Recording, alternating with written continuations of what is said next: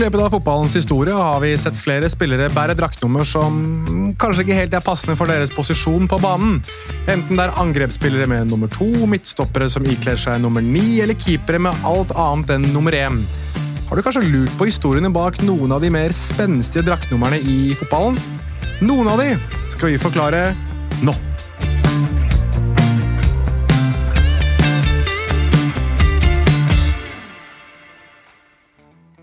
De som kjenner meg, vet at jeg har en ganske rar obsession med draktnummeret. Jeg vet ikke helt hvorfor dette har vært, men jeg tipper at det har noe å gjøre med at jeg egentlig var basketballfan før jeg ble fotballfan.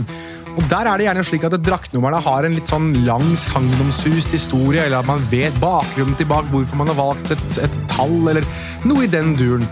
Og Det rare her er jo at selv om det kanskje ikke snakkes like mye om, så er det like mye slik i fotballen også, som gjerne gir oss noen litt sånn spenstige og rare draktnumre båret av fotballspillere. Men la oss ta det første først. Altså, Fotballpuritaner vil mene at i en vanlig startoppstilling så skal man bruke tallene 1 til 11, da det åpenbart er 11 spillere på banen. Og La oss prøve å sette dette litt i posisjon, basert på en 4-4-2-formasjon. Og Nå prøver jeg meg litt fram, men uansett. Nummer én skal være keeper. Nummer to og tre skal være backer. Fire og fem skal være midtstopperne i det forsvaret. Syv og elleve skal være vinger. Seks og åtte er sentralt på midten, og da er det jo ni og ti igjen, og det er spissene. Men så med tiden så har du da hatt tre på midten, og da er det gjerne tieren som trekkes ned og skal være playmaker. og ja, uansett, you get the deal. Greia her er at Historien bak draktnumrene er noe vi kan gå tilbake til for å gi en pekepinn på hvorfor det var slik. Men uansett, Tatt dette i betraktning, så kan du jo tenke deg at det var mange som rev seg i håret da Radamel Falcao, en av fotballens mest sagnomsuste spisser, og egentlig en av de mest populære spissene i verden på et tidspunkt, tok trøye nummer tre i Rayo Vallecano for noen sesonger siden. Selv om Falcao fortalte at dette var for å hedre sin far, som også spilte med nummer tre, så var det få som kjøpte den forklaringen. Og Det ble ikke stort bedre at Martin Carceres, en midtstopper, spilte med nummer syv i Levante i løpet av den samme tiden. Litt før disse to så var det en annen stopper, Ricardo Carvalho, som spilte en periode med nummer 11 i Real Madrid. En av forklaringene kan være at det var ingen andre nummer ledige. Felles for alle disse spillerne er at disse situasjonene skjedde da de spilte i spanske La Liga. I spansk fotball er det nemlig slik at som registrert i førstelagstroppen og med kontrakt på A-laget, så må du ikle deg et nummer mellom 1 og 25. Har du draktnummer over dette, så er du enten B-lagsspiller eller akademispiller. Man hadde faktisk en bisarr situasjon rundt akkurat dette i løpet av 2022-2023-sesongen, der Barcelona-spiller Gavi ikke hadde førstelagskontrakt og spilte med nummer 30. Barcelona, som har hatt en del problemer økonomisk, mente de hadde klart å registrere Gavi på førstelaget, og midtveis i sesongen fikk han nummer seks. Etter at La Liga, altså den spanske ligaen, sammen med en domstol i Barcelona hadde tittet på de økonomiske tallene, så var svaret nei.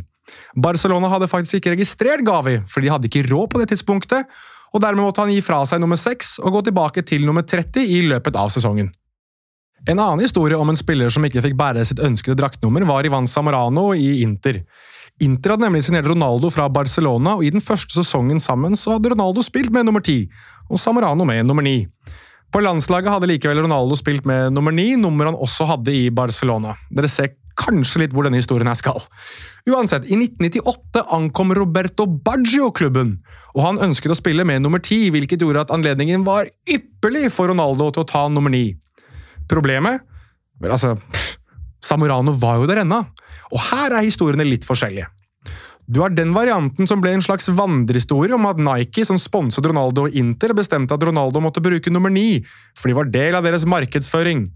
Eller så har du de to variantene Samorano selv har fortalt. Den ene dreier seg om at han simpelthen innrømmet at Ronaldo var en bedre nummer ni enn ham, og at han ga han nummeret. Eller så har du varianten der han og Sandro Mazzolla ville muntre opp Ronaldo etter tapet i VM-finalen i 1998, og at han fikk nummer ni i gave av Samorano. Men det er jo ikke dette som er moro! Det som er moro, er hva Samorano gjorde istedenfor. For etter å ha snakket med Mazzolla og president Massimo Moratti, så la Inter inn en offisiell søknad om Samoranos nye draktnummer. 1 pluss 8. Og det italienske fotballforbundet aksepterte. Dermed spilte Samorano offisielt med nummer 18, men han hadde fått lov til å legge på et plusstegn mellom de to numrene. Jeg mistet aldri nummer 9. Jeg hadde bare 18, eller 1 pluss 8, forklarte den chilenske superspissen. Det er ganske mange som tror at Samorano er den eneste som var glup nok til å skjønne at dette var en helt artig og legitim variant, men da glemmer man den gamle forsvarshelten Juan Pablo Sorin. Han hadde ankommet spanske Villarreal fra PSG, der han hadde spilt med nummer tre. I sin serie om draktnummer så forteller også Michael Cox historien om at Sorin var såpass gira på nummer tre at han valgte tolv, og fikk lagt på et plusstegn mellom numrene. Én pluss to er vel ja, det er vel fortsatt tre, dersom jeg husker barneskolematten min sånn ganske greit. Plussing av tall er tydeligvis en slags trend, for vi kan gå videre til Mario Balotelli, som Wow, vi har mye vi kan snakke om når det kommer til Mario Balotelli, men uansett, for flere klubber, Inter, Liverpool og Manchester City, så spilte han med nummer 45. Til Liverpool.com fortalte han en gang i tiden at han valgte 45 litt på fleip, fordi 4 pluss 5 er lik 9. Men det som skjedde, var at han scora i fire kamper for Inter med det nummeret, så det ble værende. Det hadde vært litt søtt om denne historien gikk fra å skulle jazze litt med gutta, til at det ble et tall han bare likte. Problemet her er at Balotelli spilte med nummer ni i Nis, Marseille og Adana de Mispor, så det var kanskje ikke fleip likevel? Det som på ingen måte var fleip, var da Italia-keeper Gianluigi Buffon valgte å spille med nummer 88 for Parma tidlig på 2000-tallet. Tallet 88 har nemlig ofte blitt assosiert med kodespråk for ja, neonazismen. H er den åttende bokstaven i alfabetet, og 88 er dermed kodeord for HH. Ifølge nettstedet Anti-Defamation League står 88 dermed for Heil Hitler, og er et av de vanligste symbolene blant neonazister. Selv om dette på ingen måte er tallets eneste betydning, så satte det virkelig sinnet i kok i Italia. Buffon hadde ikke akkurat hjulpet saken med å gå med en T-skjorte med sitatet «Boya Kimola», eller «Død over feiginger», som var et sitat brukt av Italias diktator under fascisttiden Benito Mussolini. Saken gikk såpass langt at Buffons mor uttalte at folk burde skamme seg for å assosiere hennes sønn med slikt, og Buffon, som da bare var 22 år gammel, byttet omsider til 77. Det tallet brukte han også i sitt andre opphold i Juventus.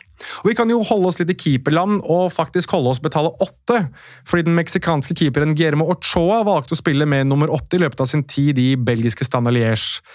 Og her er kanskje ikke grunnen like kontroversiell, men den får deg rett til å fryse litt på ryggen uansett. Fordi hold dere fast, og hold dere noe så voldsomt fast også! Tallet åtte på spansk er ocho. Ocho, ochoa. Ocho, ochoa. Altså oppriktig talt, dette er grunnen. I hvert fall hvis vi skal tro Stanalier sin tweet, der de faktisk måtte ut og forklare hva vitsen egentlig var. Uansett ordspill kunne tydeligvis også marokkanske Hisham Zerouali, som signerte for Aberdeen fra Fusrabat på 2000-tallet.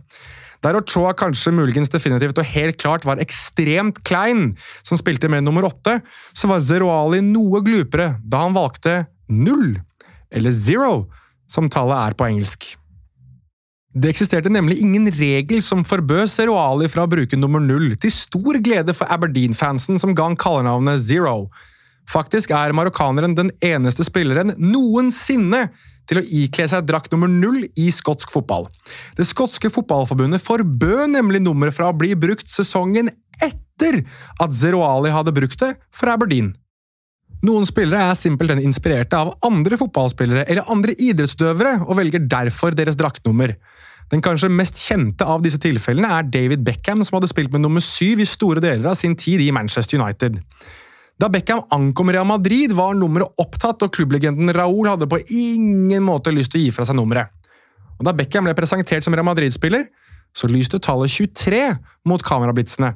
Og hvorfor det, egentlig? Vel, tidligere Real Madrid-direktør Jorge Valdano fortalte at situasjonen hadde skapt ganske mye hodebry, fordi Real Madrid hadde kun nummer 4 og 23 tilgjengelig og Beckham ville virkelig ha nummer syv. Så vi satt fast i diskusjonen om vi skulle gå for nummer fire eller 23, og selv om han mente at det ble for dumt å utsette valget, så kom vi ikke til en avgjørelse før hans kone tok ordet, fortalte Valdano til blant annet As og The Guardian. Og Posh Spice var ikke snau i sin oppfattelse av hva hennes ektemann burde gjøre. Hun snudde seg og sa til ham Vel, Michael Jordan har ikke gjort det så altfor verst med nummer 23. Og det var øyeblikket vi kom til en avgjørelse. Jeg snudde meg til David og sa da blir det 23, og slik ble det, fortalte Valdano. Beckhams ikoniske draktnummer, som han siden har båret i Los Angeles Galaxy, ble dermed valgt av hans kone, Victoria Beckham, som forteller at noen av de mest ikoniske draktnumrene gjerne kommer som et resultat av noen smått fantastiske tilfeldigheter. og som igjen forteller at innimellom så er et draktnummer en del mer spennende enn bare et tall som vilkårlig velges ut fra posisjonen på banen. Dette var det for Fotball forklart for denne gang. Vi er på sosiale medier. Vi er at Fotball forklart på både Twitter og Instagram. Dette har selvfølgelig vært en litt annerledes episode av Fotball forklart. Hvis dere ønsker flere fortellinger og flere forklaringer på f.eks. For draktnummer, så ikke vær snau med å legge igjen en DM enten på Instagram eller på Twitter. I tillegg til de kildene du alt har hørt i podkasten, har vi brukt Thai Sports, Football Italia, The Guardian, The Athletic, Medium.com, Transfermarkt, Liverpool.com adl.org, Dagbladet, Standaliers sin Twitter-konto, Aberdeen Live og ASS. Takk for at du lyttet.